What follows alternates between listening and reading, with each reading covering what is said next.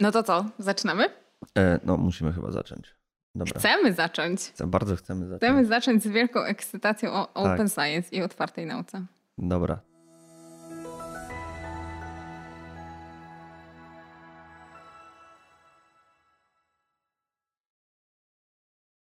To kto zaczyna? To, to może ty zacznij. E, dobrze. E, no to tak, ja się nazywam Katarzyna Jaśko e, i jestem psycholożką, e, badaczką pracującą w Instytucie Psychologii na Uniwersytecie Jagiellońskim. E, I w swojej pracy naukowej nie zajmuję się bezpośrednio metanauką czy otwartą nauką. E, Zajmuję się aktywizmem politycznym, zaangażowaniem, e, motywacją, celami, więc pytanie, po co e, i dlaczego ja prowadzę, czy współprowadzę e, podcast o otwartej nauce. No więc moja historia, żeby nie, to będzie krótka historia, e, ale też daje jakby może wgląd w to, dlaczego mnie to interesuje i dlaczego jestem bardzo podekscytowana tym, że będziemy coś takiego robić.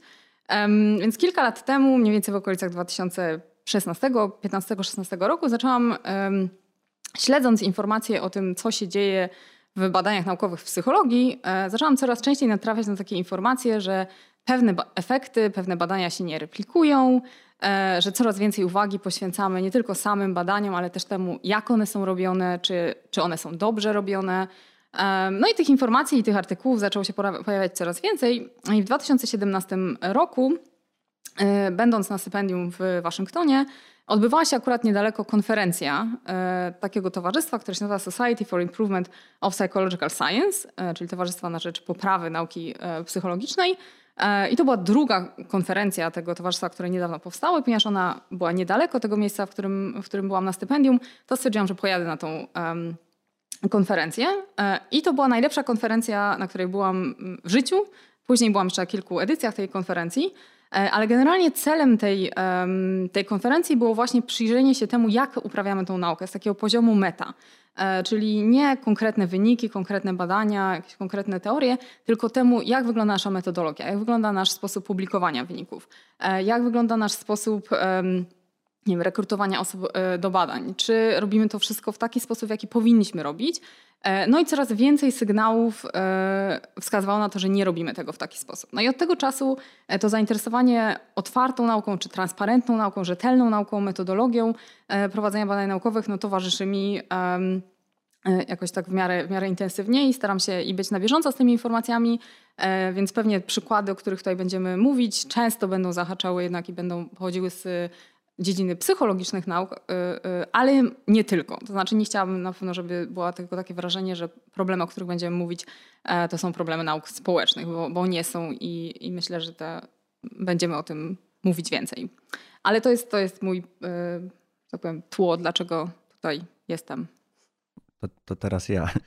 E, Ja nazywam się Bartosz Janik i jestem filozofem i prawnikiem. Pracuję na Uniwersytecie Śląskim w Katowicach. No i od razu możemy się zastanawiać, jaki jest mój background i moja historia jest coś troszeczkę bardziej prozaiczna niż twoja.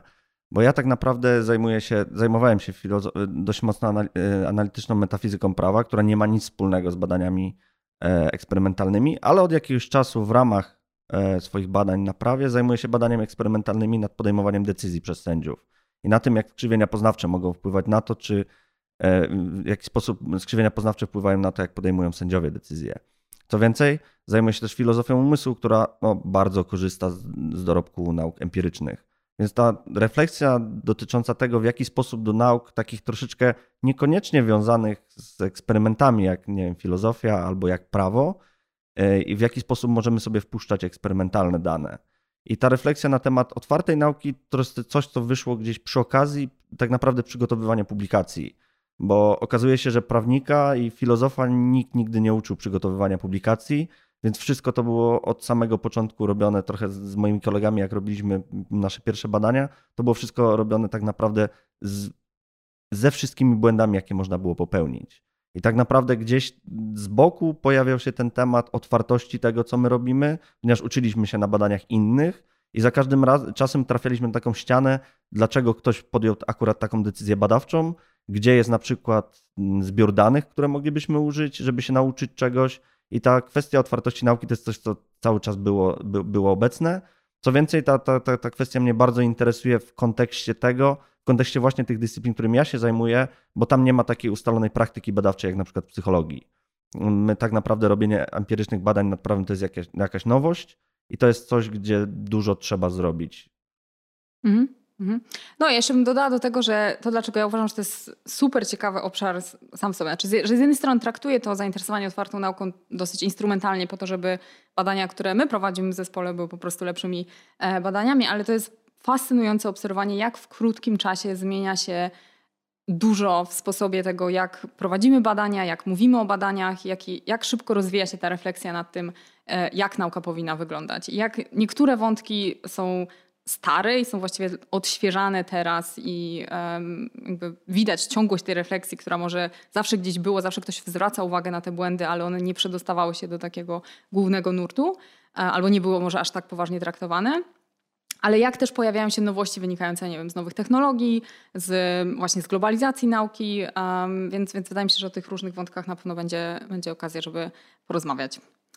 Um, Dobrze, to przedstawiliśmy się. To zabieramy się e, za pierwszy odcinek. To pierwszy odcinek. Chcielibyśmy zacząć od tego, od odpowiedzi na proste pytanie, po co jest ten podcast? Znaczy, po co to w ogóle robić? Po co rozmawiać o otwartej nauce? No bo może nam się wydawać, że tak z perspektywy historycznej my jesteśmy w super momencie. No bo tak naprawdę nauka dokonuje niesamowitych rzeczy i taką ostatnią, bardzo dużą, niesamowitą rzeczą, którą, której dokonuje, dokonała nauka, jest opracowanie szczepionki na COVID-19. To jest rok. To jest niesamowicie krótko. Mm, rok temu, no nieco ponad rok temu pojawił się wirus. My zaczęliśmy kilka tygodni temu szczepić ludzi. No i tak naprawdę my za chwilę będziemy mówili o tym, że może jest jakiś problem z nauką, a może tego problemu nie ma, skoro ona tak świetnie działa. Właśnie, może to jest po prostu pierwszy i ostatni odcinek. Dokładnie. Może się po prostu pochylimy nad tym, jak wspaniale wygląda sytuacja z nauką i pożegnamy się z wszystkimi. Tak, znaczy bardzo byśmy, te, prawdopodobnie bardzo, bardzo byśmy tego chcieli. No. Dokładnie. Ale jak być może wszyscy się spodziewają, że będą kolejne odcinki i jest powód, dla których będą te kolejne odcinki, e, to chcielibyśmy właśnie zacząć od może mniej optymistycznej e, diagnozy stanu nauki e, w chwili obecnej. I może to będzie wyglądało ten początek jak takie kino moralnego niepokoju, ale obiecujemy, że z każdym kolejnym odcinkiem będzie coraz lepiej.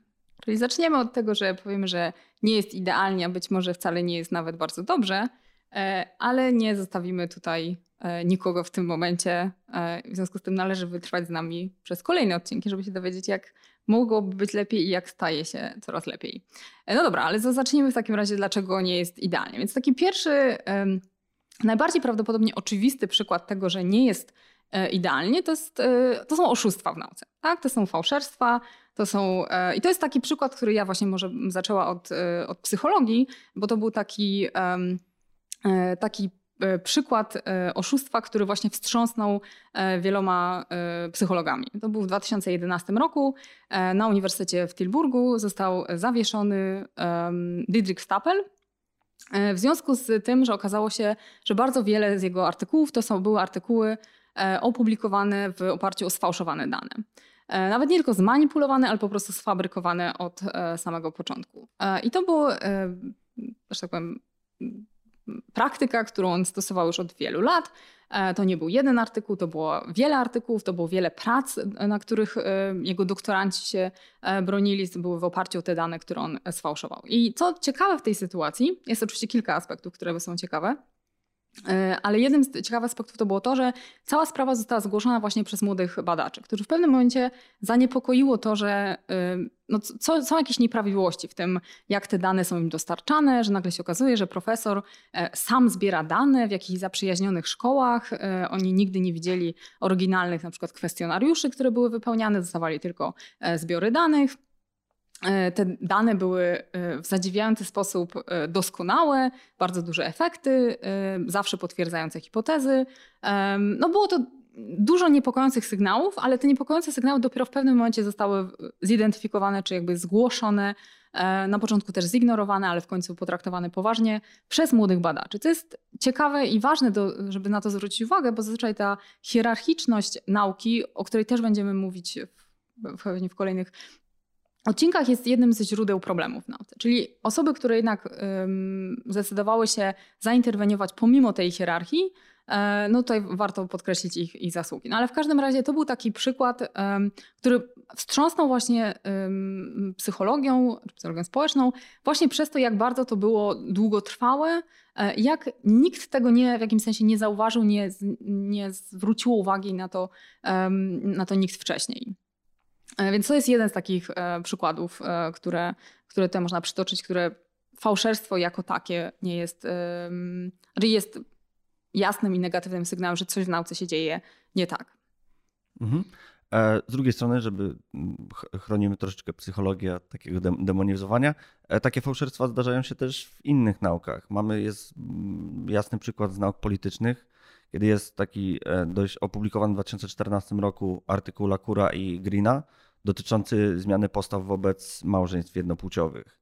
I teraz tam tak naprawdę przygotowane zostało to przez dwóch badaczy, z których jeden e, Green był, jest, jest profesorem, który jest dość rozpoznawalny i zasłużony, i mamy młodszego badacza, który prawdopodobnie, e, pra, prawdopodobnie sfabrykował cały dataset, który, na, na podstawie którego e, na, na, na podstawie którego pojawiły się konkluzje w tym artykule. I on w 2015 ten artykuł został wycofany i on tak, tak naprawdę ciekawa też jest reakcja, która się pojawiła wśród obu autorów. No bo oczywiście obaj biorą tak samo odpowiedzialność za ten artykuł, mimo że jeden z nich jest pierwszym aktorem, autorem. Obaj podpisali, e, podpisali wszystkie zgody i wszystkie oświadczenia związane z tym, że mieli dostęp do danych i te dane im były zaprezentowane. Natomiast ten starszy badacz Green, on powiedział, że faktycznie został zmanipulowany troszeczkę przez swojego, e, przez, przez drugiego autora, gdyż nigdy nie widział tego datasetu. E, i nie miał tak naprawdę żadnego wpływu na zebranie danych. No, co ciekawe, ten artykuł, bardzo podobny, bardzo podobny, podobne badania zostały opublikowane jako follow-up autorstwa Brockmana i Kali, którzy oni dotyczyli tak naprawdę postaw wobec osób transpłciowych. To nie dotyczyło dokładnie te, te, tego samego, ale metodologia i powiedzmy z grubsza efekt mógł być, możemy uznawać za troszeczkę podobny ale no problem tutaj największy dotyczy tego, że faktycznie e, nie mamy żadnego dostępu i e, do, nie mieliśmy żadnego dostępu do danych i ten autor, który prawdopodobnie sfabrykował te dane, tłumaczył się tak tym, że jest możliwe, że hipotetyczne dane pomieszały mu się z danymi, które uzyskał. Mimo, że nie potrafił na żadnym etapie pokazać danych, które uzyskał i nie mieliśmy żadnego, nikt nie miał żadnego dostępu do tych danych. Więc to jest taki bardzo oczywisty przykład, że no coś jest ewidentnie nie tak. Mhm. To, co mi się wydaje ciekawe w tej całej historii, jak oni pierwszy raz yy, yy, przeczytałam, e, to to, że właśnie ten pierwszy artykuł został wycofany na skutek interwencji autorów tego ostatecznie drugiego tak. artykułu, prawda? Bo oni przeczytali artykuł, który, nie wiem czy tutaj wspomnieliśmy, ale on był opublikowany w Science. Mhm. E, no i bardzo ich zaintrygował sposób rekrutacji osób do badania, ponieważ oni mieli pomysł na to, żeby zrobić bardzo podobne badanie, e, ale nie wiedzieli, jak dokładnie zrekrutować osoby i, w związku z tym chcieli skontaktować się z oryginalnymi e, badaczami, żeby dowiedzieć się, jak to oni zrobili. E, no i jak zaczęli to drążyć, e, no to okazało się, że bardzo trudno jest wydobyć te informacje, ponieważ to badanie po prostu nigdy nie zostało przeprowadzone. Więc w tym, w tym kontekście to, że jak oni ostatecznie zrobili to badanie i uzyskali te wyniki i ten artykuł już rzetelnie przeprowadzony faktycznie trafił do Science, jest jakimś paradoksem po prostu, że być może oryginalny badacz, gdyby po prostu um, zrobił to badanie tak, jak miał je zrobić i jak zaplanował, być może miałby zupełnie uzasadniony artykuł w Science, którego nie musiałby wycofywać. Tak, i mm, tutaj wychodzi, że troska o własne metody czasem powoduje więcej dobrego niż tylko udoskonalenie własnych badań, no bo e, badacze, którzy opublikowali ten follow-up, oni z, z, czystym, tak naprawdę w dobrej wierze zwrócili się o udostępnienie metodologii badań. I oni chcieli uczynić swój własny, swój własny research lepszym. Więc, więc to jest takie dosyć, dosyć ciekawe w tej sprawie faktycznie. No dobra, to powiedzieliśmy o oszustwach i fałszerstwach. Mhm. No i można by sobie zadać pytanie, na ile to jest jakiś rozpowszechniony fenomen? Znaczy, czy my sugerujemy, że to jest e, źródło problemów potencjalnych z nauką, to są e, fałszerstwa? No, najprawdopodobniej nie, dlatego że e, no jest to tak radykalne przekroczenie granic uczciwości naukowej, że no decyduje się na to no zdecydowana mniejszość, mniejszość badaczy. Tak? Więc jest to na pewno problem nie chcę powiedzieć pojedynczych osób, dlatego że możemy się później się będziemy zastanawiać, na ile to jest systemowy problem, ale na pewno mniejszości badaczy. Tak? Są e, badania ankietowe, oczywiście niby anonimowe, no ale jednak polegające tylko na deklaracjach e, badaczy i badaczek, jak często dopuszczają się, czy w ogóle dopuszczają się fałszowania swoich wyników. No i to są oczywiście jakiś mikroprocent. Ja teraz nie jestem w stanie, nie pamiętam dokładnie, czy to jest 5%, 3%, bardzo mały procent. Oczywiście to jest niedoszacowane, wynika Wynika to z metodologii, która polega na deklaracjach badacza, ale prawdopodobnie no nie jest to przykład więcej niż 10% e, badaczy, prawda? Więc dalej mogę się powiedzieć, no to jest jakiś mały, mały procent, to nie jest cała nauka na pewno, mm, być może to nie jest nawet jakiś największy problem, który, który jest w nauce. Plus są takie instytucje jak Retraction Watch, e, które śledzą i dokumentują te przypadki, o których nawet powiedzieliśmy tak, wcześniej. Stapel, o którym mówiłam wcześniej, jest obecnie na piątym miejscu ich, że tak powiem, rankingu najczęściej wycofywanych um, autorów um, z 50 chyba 8. O, 58, tak. 58 publikacji. Dalej jest daleko od numeru 1, który ma ile? 183. 183 artykuły wycofane um, autora, który jest na pierwszym miejscu. Um, mo można sobie to sprawdzić. Um, no więc czy to jest, czy to jest jedyny problem? No, zdecydowanie nie. Mam, jest tak naprawdę większy problem, no bo jeżeli sobie, jeżeli się zastanowimy nad tym problemem i popatrzymy sobie tak jak, nie wiem, mamy y, częstotliwość występowania określonych, nie wiem, przestępstw populacji, no to te najgorsze czyny, one tak na, naprawdę najbardziej wbijają nam się w pamięć. Więc jak się pojawia jakakolwiek taka bardzo kontrowersyjna praktyka, jak fałszowanie całych, e, całych badań, to pamiętamy o tym, ale musimy też pamiętać, że to się zdarza bardzo rzadko. Natomiast mhm. zdarzają się rzeczy, które są równie niebezpieczne, bo też tak naprawdę psują nam obraz nauki, ale które nie, nie są aż tak bardzo na świeczniku. I no tutaj wprost odnoszę się do, do sprawy Briana e, Wansinka, która pokazuje nam, w jaki sposób niektórzy badacze traktują swoje własne dane, które otrzymują. Bo tu nie mamy tego problemu, że nie ma danych. Tu są dane. Tylko teraz to, co się robi z tymi danymi i zupełnie, nieograniczenie, nie, nie, żad, zupełne nieograniczanie tego, co się z nimi robi i wyciskanie z nich efektów doprowadza do tego, że pojawiają się artykuły, które są promowane, o których się głośno mówi, ale które zupełnie nie mają pokrycia w danych. No bo teraz, jak, jak wiemy, ty na pewno wiesz lepiej niż ja, z danymi można zrobić bardzo dużo jak się. Z... A to zawsze o tak jak ja robię swoim danymi. Nie, oczywiście, że nie. Tylko wiesz więcej o statystyce. Wiesz więcej o statystyce ode mnie po prostu. Mm -hmm. I e, tak naprawdę, je, jeżeli, jeżeli nie mamy żadnej kontroli nad tym i tak naprawdę mm, poruszamy się troszeczkę w takiej szarej strefie, jeżeli chodzi, chodzi o podejście do me metodologiczne, to sprawa Briana Vansinka, który e, tak naprawdę wywierał wpływ na swoich własnych doktorantów, postdoków zatrudnionych w jego labie, aby uzyskiwać takie efekty. No i na, na to ca, cała ta sprawa jest całkiem nieźle udokumentowana, bo wypłynęły e-maile, które, maile, które on e, pisał do swojego teamu badawczego, gdzie wprost naciskał na to, że jeżeli się po, pojawiał jakiś efekt statystyczny, był nieistotny, to prosił o takie obrabianie danych, żeby te, te, dane, żeby te dane były istotne statystycznie. A istotność statystyczna to znaczy, jeżeli one są istotne statystycznie, to w praktyce oznacza to, że są publikowalne. Mhm. No o tym e, samej tej istotności, roli istotności pewnie powiemy w, w kolejnych odcinkach, ale możemy więcej powiedzieć o tym mm, przypadku Briana Wansinka.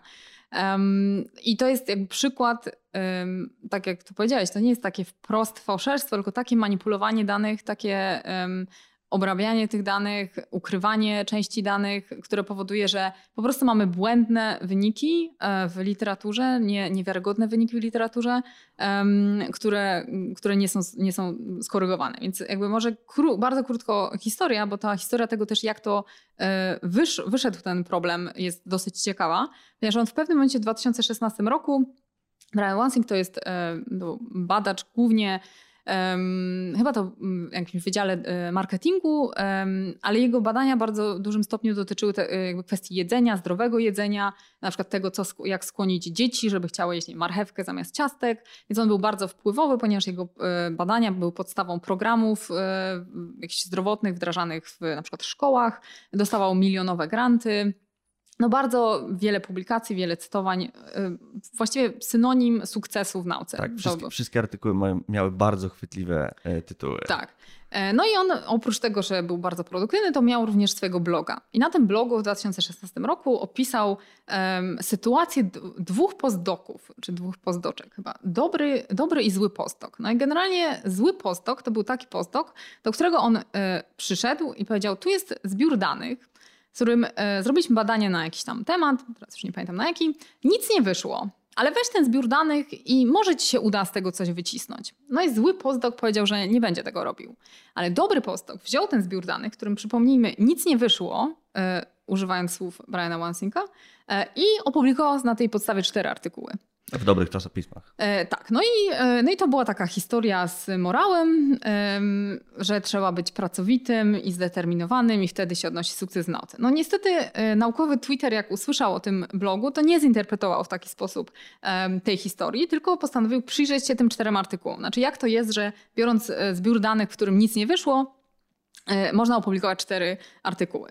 I tylko na podstawie artykułów i analizy statystyk w tych artykułach, e, trójka, e, trójka badaczy była w stanie zidentyfikować ponad chyba 150 błędów. Teraz jakie, jakiego rodzaju to były błędy, które można zidentyfikować nie sięgając do danych, ponieważ oczywiście oni poprosili o dane zespół OneSynca i nie dostali tych danych, o czym też będziemy pewnie wielokrotnie mówić jako jednym z problemów w nauce. Więc na przykład to były takie, e, takie błędy wynikające z tego, że pewne liczby były po prostu matematycznie niemożliwe. To znaczy, jeśli na przykład coś dzielimy, mamy 10 pytań w ankiecie i w związku z tym średnia e, wynika z podzielenia przez 10, no to pewne na przykład końcówka nie może, jest matematycznie niemożliwa. No, no i takie statystyczno-matematyczne niespójności byli w stanie wygenerować ich właśnie, znaczy nie tyle wygenerować, co zidentyfikować 150. E, jest artykuł na ten temat. No i oczywiście to był taki początek y, całej historii z mm, jakby zgłębianiem tych błędów, u, u, odzywaniem się do czasopism, które opublikowały te artykuły, z prośbą o to, żeby dostać dane, y, które, na podstawie których ten artykuł był, był opublikowany. No i to, była, to jest historia, która tak naprawdę chyba do tej, cały czas się toczy. Jest badacz Tim van der Zee, który e, na swojej stronie internetowej e, publikuje kolejne wycofania artykułów, znaczy informacje o, o tym, że kolejny artykuł Briana Wansinka został wycofany. E, wydaje mi się, że to jest jedyny badacz, o którym wiem, że jego artykuł został wycofany, ten sam artykuł został wycofany dwa razy, ponieważ on został wycofany raz, został skorygowany, poprawiony w jakiś sposób, a następnie został wycofany drugi raz, ponieważ to dalej był artykuł z błędami. Więc, więc to jest taka historia błędów, y, częściowo może nieintencjonalnych, częściowo intencjonalnych. Tak jak tutaj wcześniej też mówiłeś, są maile, ponieważ do tego y, doszło śledztwo, więc są maile, które pokazują wprost naciski na współpracowników, że no wiesz, te, te, te, dane nie są idealne, to może coś by się jeszcze dało z nimi zrobić, żeby były bardziej, bardziej idealne. Prawda? Więc to jest i, I, skala tego typu działań jest na pewno większa niż takich wprost fałszerstw, oszustw, o których mówiliśmy, mówiliśmy wcześniej. Jakieś inne przykłady yy, przychodzą ci do głowy? E, tak, jeżeli chodzi o kontrolę, no to jest Elizabeth Big. I, i to, to jest bardzo, bardzo, bardzo, bardzo fajna historia, bo Elizabeth Big jest e, mikrobiolożką i ona tak naprawdę jest fanką przeglądania e, obrazków w artykułach. To znaczy robi to, co e, zawsze wszyscy się śmie śmieją, że oglądamy sobie książki, jak ma dużo obrazków, to jest ciekawsza. I ona, ona to robi ba bardziej poważnie, bo ona zajmuje się tak naprawdę, yy, przede wszystkim zaj zajmowała się błędami związanymi z pokazywaniem, yy, obrazowym pokazywaniem metody wykrywania białek. I ona tych artykułów, jakąś tam kosmiczną liczbę artykułów przejrzała, sprawdzając, czy ryciny odpowiadają, czy nie ma żadnych nieprawidłowości, jak się raportuje, jak się pokazuje ryciny związane z tym wykrywaniem białek. I w 2016 roku opublikowała artykuł razem z dwoma innymi badaczami, w którym pokazała, że w 784 artykułach, chyba z 20 tysięcy artykułów, które przejrzała, są błędy, i te błędy doprowadziły do wycofania kilku, kilkudziesięciu, wydaje mi się, artykułów z publikacji. Więc i ona całkowicie, co, co, co jest jeszcze ciekawą informacją związaną z jej, z jej historią, ona to robi całkowicie w wolnym czasie. to jest jej hobby po prostu. Ona sama, jak czytałem jaką, jakąś notkę na blogu, ona sama siebie określa jako osobę tak naprawdę troszeczkę zamkniętą na kontakty z ludźmi, która lubi sobie robić w, w, zaciszu domu, swojego własnego domu badania i od zawsze lubiła e, tak naprawdę wizualizacje, które były stowarzyszone prezentacją e, jakichś danych. I na podstawie tego no, jako hobbystyczny projekt doprowadziła do wycofania wielu artykułów, które tak naprawdę polepszają troszeczkę e, jakość nauki, ale to też pokazuje troszeczkę, jakie są, jakie są tendencje w jej dyscyplinie, to znaczy w mikrobiologii, że bardzo dużo raportowanie dużej ilości danych, bo to oczywiście nie chodzi o to, że tam zostały sfałszowane jakieś, oczywiście jak bliżej się temu przyjrzymy, no to część tych danych faktycznie można się zastanawiać, czy tam nie, nie, nie zaszły jakieś intencjonalne fałszerstwa, bo możliwe, że w większości tych obrazków chodzi o to, że zostały na przykład niewłaściwe obrazki e, zamieszczone, czy niewłaściwe ryciny w tekście zamieszczone, albo że coś zostało źle zinterpretowane, bo to podlega też interpretacji. Ona niekoniecznie wskazuje na to, że te wszystkie artykuły, te 7, ponad 700 artykułów pokazują nam dane, które zostały sfałszowane, ale pokazuje nam, że jest pewien problem, to znaczy problem w raportowaniu i problem w kontroli tak naprawdę tego na, na, na etapie recenzji. No bo recenzent powinien się temu do, do, dokładnie przyjrzeć i powinien interweniować, jeżeli mhm. coś jest nie tak. Mhm. No właśnie, bo to jest w ogóle ciekawy problem związany właśnie z błędami i tym, e, jaki jest proces identyfikowania tych błędów i korygowania tych mhm. błędów. I jakby zaczęliśmy ten, e, tą część od Briana Wansinka, który tutaj można by mu jednak przypisać dużą ilość, powiedzmy, złych intencji w tym, jak tak. interpretował te, te dane w określony sposób. E, tu przykład Biki tych zdjęć no, pokazuje, że często te błędy są po prostu nieintencjonalne. Po prostu pojawiają się, bo jakby to jest w jakimś sensie naturalne, że czasem te błędy się będą pojawiać.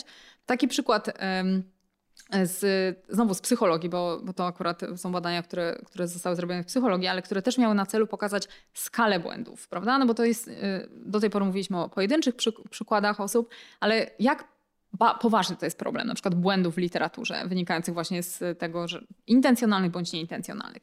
I tutaj można wspomnieć o takim narzędziu, to się nazywa Statcheck, E, które taka holenderska e, badaczka e, Michelle Nuiten zaproponowała, czy stworzyła w ramach swojej pracy doktorskiej kilka lat temu.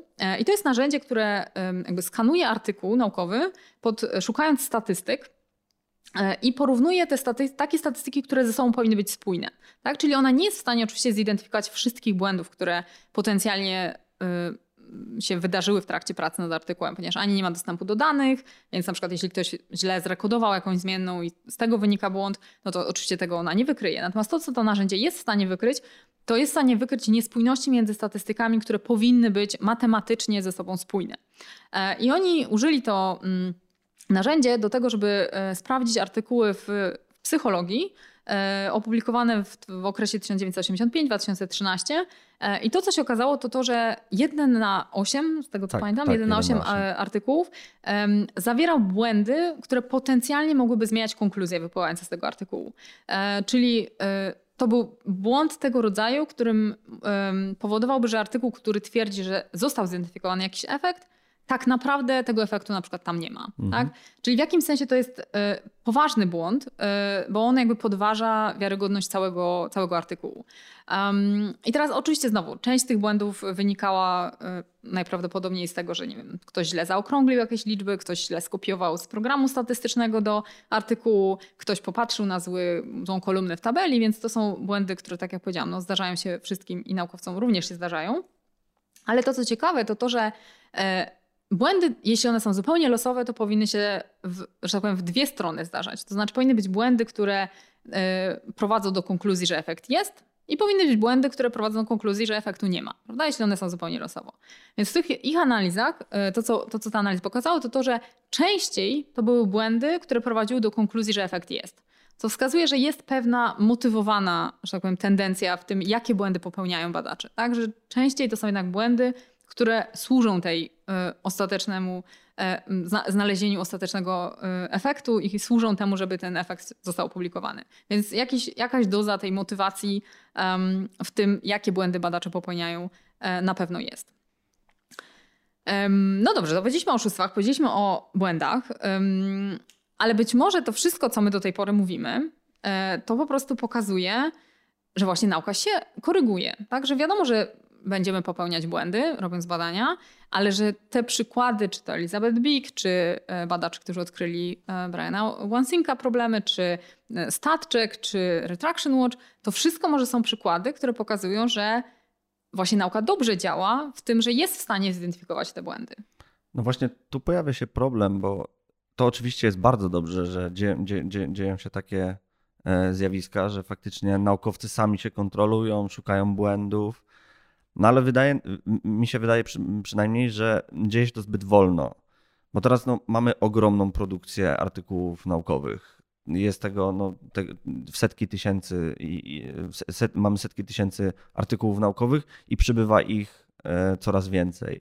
I teraz, tak jak wspominałem przy okazji omawiania tego, co robi Elizabeth Big, ona to robi w wolnym czasie. Teraz już powie, powiedziała, że będzie się głównie tym zajmowała no ale to jest jedna osoba, która ma ograniczone możliwości fizyczne, możliwości przerobu. Tak samo, jeżeli sobie weźmiemy pojedynczych badaczy, którzy się tym zajmują, ale nawet, albo nawet jak mamy taką inicjatywę jak Retraction Watch, no to to jest ograniczona liczba ludzi, która no nie ma możli- tak naprawdę nie ma możliwości zbadania wszystkich artykułów. Mm, StatCheck te, też jest super narzędziem, no ale też jest ograniczonym narzędziem, no bo on tak, tak naprawdę, no musi, po pierwsze musi fizycznie ktoś wklepywać te dane i dokonywać tych analiz, a po drugie, no, bardzo często on tylko wskazuje na pewne nieprawidłowości i trzeba by się temu bliżej przyjrzeć. Więc te inicjatywy, one są super. Te inicjatywy, szczególnie jak są oddolnymi inicjatywami, bo widać, że naukowcy czują, że coś może być nie tak, albo nawet nie tyle czują, że coś może być nie tak, co chcą poprawić jakość tego, co, co, co robimy. Bo tak jak mówiłaś, błędy się wszystkim zdarzają i to nie jest tak, że mamy setki naukowców, którzy fabrykują dane albo oszukują nas, bo, bo chcą szybko coś opublikować i dostać tenure na, na zagranicznych uniwersytetach, ale możliwe jest tak, że no, są błędy, których nie unikniemy nigdy. Więc przede wszystkim jest, jest czas, to znaczy czas, w jakim nauka się sama koryguje. No i druga rzecz, nie, nie ma teraz, to znaczy wolno powstają inicjatywy tak naprawdę publiczne, które będą na to wpływały. No i tutaj możemy się zastanawiać, jakie powinny, i będziemy się na pewno w dalszych odcinkach zastanawiali, jakie rzeczy powinny zostać zrobione, aby ta nauka korygowała się szybciej. Bo w tej chwili diagnoza będzie taka, że nauka się faktycznie koryguje sama, to jest super, ale koryguje się za wolno, jeżeli chodzi o przyrost artykułów. Mhm. Tak, ja nawet y, w tym kontekście można przytoczyć po prostu konkretne dane. Y, kiedyś słuchałam y, takiej prezentacji Iwana Orańskiego, czyli jednego z twórców właśnie Retraction Watch, mhm. który pokazywał, jak długi jest czas wycofania artykułu.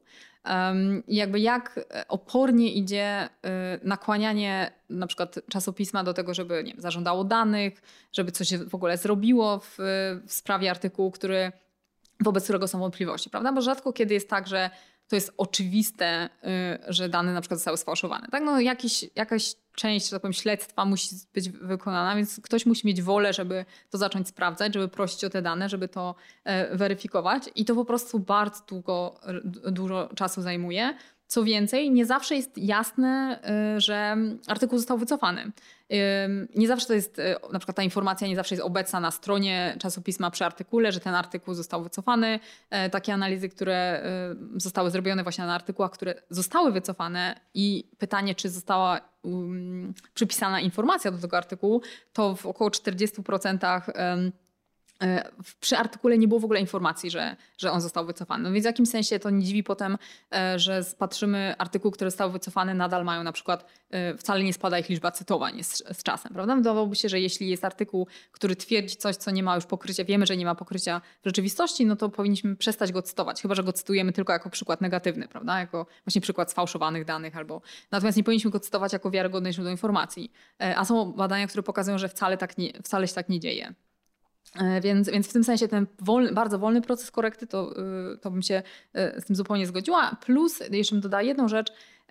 Często osoby, które y, właśnie działają na rzecz korekty nauki, czyli nie wiem, prowadzą te śledztwa, robią te analizy, proszą o te dane, piszą artykuły, piszą jakieś posty na, na blogach, krytykujące jakieś wyniki, które są w literaturze, spotykają się z negatywną reakcją. Traktowani są jako, nie wiem, policja statystyczna, która się czepia, e, która nie ma nic innego lepszego do robienia, że być może to są jacyś badacze, którzy sami nie mają własnych pomysłów i w związku z tym, nie wiem, się mszczą na pomysłach, świetnych pomysłach innych osób. I w ogóle nie, nie ma takiego uznania i docenienia, albo nie jest to powszechna reakcja, e, a tak naprawdę wszyscy powinniśmy im być wdzięczni, że we własnym czasie, e, we własnym zakresie robią pracę, którą właściwie powinniśmy kolektywnie komuś zlecać i za to bardzo dobrze płacić. W związku z tym to jest też jeden z problemów, który się przyczynia do tego, że ten proces jest bardzo, bardzo powolny i biorąc pod uwagę to, jak właśnie dużo jest nowych artykułów, dużo nowych badań, to, um, to przy umiarkowanych zasobach, które idą na korygowanie tej, tej nauki, e, no może się, można się podejrzewać, czy ten proces, czy ten problem jest, utrzymuje się, czy może się nawet nasilać. Mhm. Dobrze, to co powiedzieliśmy do tej pory. Dużo powiedzieliśmy. Bardzo dużo powiedzieliśmy.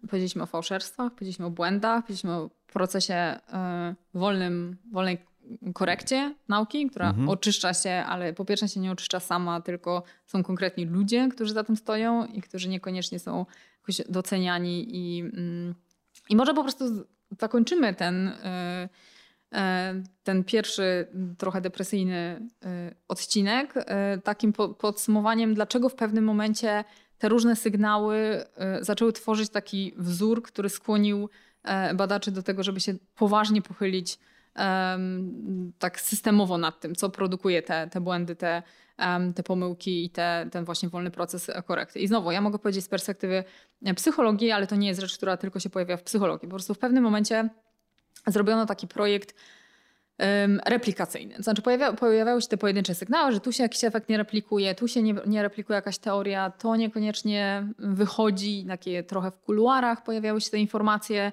ale właściwie nie pojawiały się w czasopismach, więc w 2015 roku został opublikowany w Science taki artykuł, który um, właśnie przedstawiał taki wysiłek replikacyjny. To znaczy polegało to na tym, że wybrano 100 artykułów um, z topowych trzech czasopism psychologicznych, E, i zrobiono replikację tych badań. Czyli po prostu um, używając um, informacji o metodologii, która została zastosowana w oryginalnym badaniu, zrobiono na większych próbach um, powtórzenie tego badania.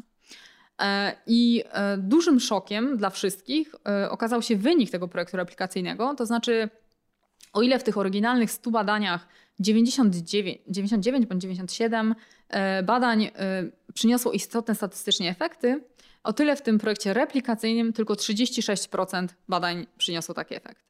Więc to jest taki poziom, e, którego mało kto się spodziewał i który był ogólnie e, szokujący. Więc oczywiście on wywołał dyskusję, czy on to naprawdę jest 36%, czy jakbyśmy inaczej popatrzyli na te dane, to może nie 36%, może trochę więcej, może 60%, a czy to były w ogóle zrobione dobre replikacje. Znaczy bardzo duży ferment w, w środowisku y, psychologicznym to, to wywołało. E, w związku z tym to sprowokowało kolejne projekty replikacyjne, nie tylko w psychologii, to pewnie powiesz o innych, innych dziedzinach, e, ale na pewno w naukach społecznych. Aha, i te projekty pokazały, przyniosły bardzo podobny procent zreplikowanych wyników. W związku z tym to był taki, mm, taki dosyć duży szok, który jakby kolektywnie skłonił badaczy i badaczki do zastanowienia się, czy my naprawdę robimy wszystko ok. Mhm.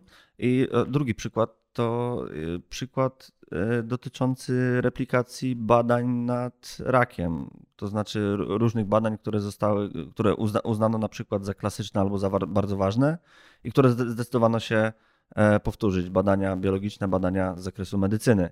I tak naprawdę takie dwa duże projekty, e, jak sobie robiłem research, znalazłem takie dwa duże projekty. Jeden był prowadzony przez Siglena Bigleya, który próbował zreplikować 53 bardzo istotne według niego E, badania i udało mu się, nie udało mu się zreplikować 47 z tych 53 badań. Natomiast jeszcze jest jeden du duży projekt prowadzony przez Tima Harringtona, on się nazywa The Reproductability Project Cancer Biology. I tam wybrano 50 najważniejszych e, eksperymentów, mm, które były związane z tym, z biologią e, komórek nowotworowych. Spróbowano je zreplikować. Na to wydano tak naprawdę bardzo dużo pieniędzy. Projekt, który opiewał chyba na milion trzysta tysięcy dolarów. I tak naprawdę, jak, jak za, zaczęto zastanawiać się nad replikacją tych 50 badań, to okazało się po wstępnym zbadaniu, że możliwych do replikacji będzie tylko 18. Tylko będą w stanie dokonać replikacji, bo zwyczajnie brakuje im informacji dotyczących tego, jak dokonać tej replikacji. Z tych 18 badań udało im się tak naprawdę dokonać tej replikacji, znaczy nie zreplikować, nie dokonać skutecznej replikacji, ale same, samą procedurę replikacyjną przeprowadzić w 10 przypadkach z czego e, w pięciu udało się to zrobić, w trzech wyniki były niekonkluzywne, a dwóch nie udało się zreplikować. Tutaj byli, mm, ci badacze też byli akurat, ten, ten zespół był trochę krytykowany, bo e, podnoszono, że inni, inni badacze innym badaczom udało się część z tych badań zreplikować. To znaczy to, że nie, nie udało im się dokonać replikacji albo nie wiedzieli, jak dokonać tej replikacji, znaczy jak przeprowadzić cały proces e, eksperymentalny, no to były troszeczkę ich zawinione błędy w nie, nie, niektórych wypadkach. Natomiast nawet jeżeli weźmiemy, kupimy część tych argumentów przeciwko temu, że no jest tak strasznie źle, bo zreplikowaliśmy tylko 10 w tym przypadku i nie zreplikowaliśmy 47 z tych 53 wybranych, no, no to i tak świadczy że, o tym, że jest jakiś problem. Tutaj jeszcze ciekawa uwaga jest taka w tym pierwszym, e, w tym pierwszym projekcie. Ja tak powiedziałem bardzo ogólnie o tym, bo te 47 badań na 53, które nie zostały zreplikowane, my nie wiemy, które to są badania z tej puli, bo e, wszyscy podpis podpisywali klauzulę y, poufności i my się nigdy prawdopodobnie nie dowiemy, bo tak naprawdę, i to znowu nie, nie chcę oczywiście siać teorii spiskowych, ale no, na podstawie tych badań tworzone są leki, patentowane są leki, prowadzone są określone terapie, to ma bezpośrednie przełożenie na to, w jaki sposób podchodzi się do, e, do diagnozy i do terapii określonych e, w tym wypadku nowotworów. I tak naprawdę y, problemy z replikacją, nawet nie wykazanie, że te, te efekty nie zachodzą, tylko problemy z replikacją są zwyczajnie nie na rękę na przykład koncernom farmaceutycznym. No właśnie, ale to, to jest ciekawe, że właściwie te. Mm ten taki szok w tej dziedzinie badań nad rakiem to zaczął się od tego, że to koncerny farmaceutyczne zaczęły, chciały spróbować e, zreplikować badania podstawowe, które miały posłużyć tak. do tych badań później um, E, służących w tworzeniu jakichś konkretnych tam terapii czy, czy, leków. I to one nie były w stanie zreplikować tych badań podstawowych, e, a nawet, więc w jakimś sensie to samo oczyszczanie nauki nie przyszło z nauki, tylko tak. przyszło z firm farmaceutycznych, które po prostu nie chciały bazować swoich inwestycji na wynikach, które są niewiarygodne. Jeszcze tylko bym dodała jedną rzecz i... Um, do tego właśnie, co mówicie o tym y, y, badaniach Tima Arringtona, bo jest super ciekawa prezentacja, y, byłam takiej konferencji o metanauce, w której on opowiadał o tym projekcie mhm. i ta prezentacja tyle jest ciekawa, że on nigdy nie powiedział w trakcie tej prezentacji, jakie były wyniki tych replikacji, tylko opowiadał o samym procesie i właśnie mhm. to było szokujące, jak opowiadał, że no zaczęliśmy od tych 50 um, artykułów um, i okazało się, że po przeczytaniu metody i wszystkich materiałów, które były za... Um, załączone do tych artykułów, y, byliśmy w stanie y, zaplanować zero badań. W sensie nie byliśmy w stanie zaplanować żadnego badania, które bylibyśmy w stanie zreplikować, ponieważ tak wiele informacji brakowało. Potem mówi, no w następnym kroku w takim razie y, skontaktowaliśmy się z autorami oryginalnymi, um, oryginalnego badania. No i pokazuje taki wykres, po prostu rozkład normalny, obrazujący, jaka była chęć pomocy badaczy oryginalnych badań. Od nigdy się nie odezwali e, na nasze maile i trzeba było dopiero załączyć wszystkich współautorów do maila, żeby dostać jakąś odpowiedź, do równie jakby rzadkiego reakcji w stylu jasne, po prostu tutaj są badania, tutaj są nasze materiały, z tego korzystaliśmy. A generalnie większość e, reakcji to była właśnie taka no, najpierw nie odpowiadamy, potem mówimy, że to był jakiś postdoc, który nad tym pracował, już go nie ma w naszym labie. Potem, a to było na takich komputerach, które się zniszczyły, a to jakaś metoda, którą mm, to już nie. Znaczy, że po prostu trudność wynikająca właśnie, tak jak powiedziałeś, z, z replikowania tych, tych, tych badań, e, to jest w ogóle osobna kategoria i pewnie i będziemy o tym mówić, ale to może na dzisiaj Wydaje mi, się, wydaje mi się, że tak. Koniec złych newsów. Koniec złych newsów. No jest, jest źle i jest nam bardzo smutno po przedyskutowaniu tego wszystkiego. Ja mam łzy w oczach. Ale je, ja widzę nadzieję. Tak, jesteś tym bardziej optymistycznym prowadzącym. Dobrze.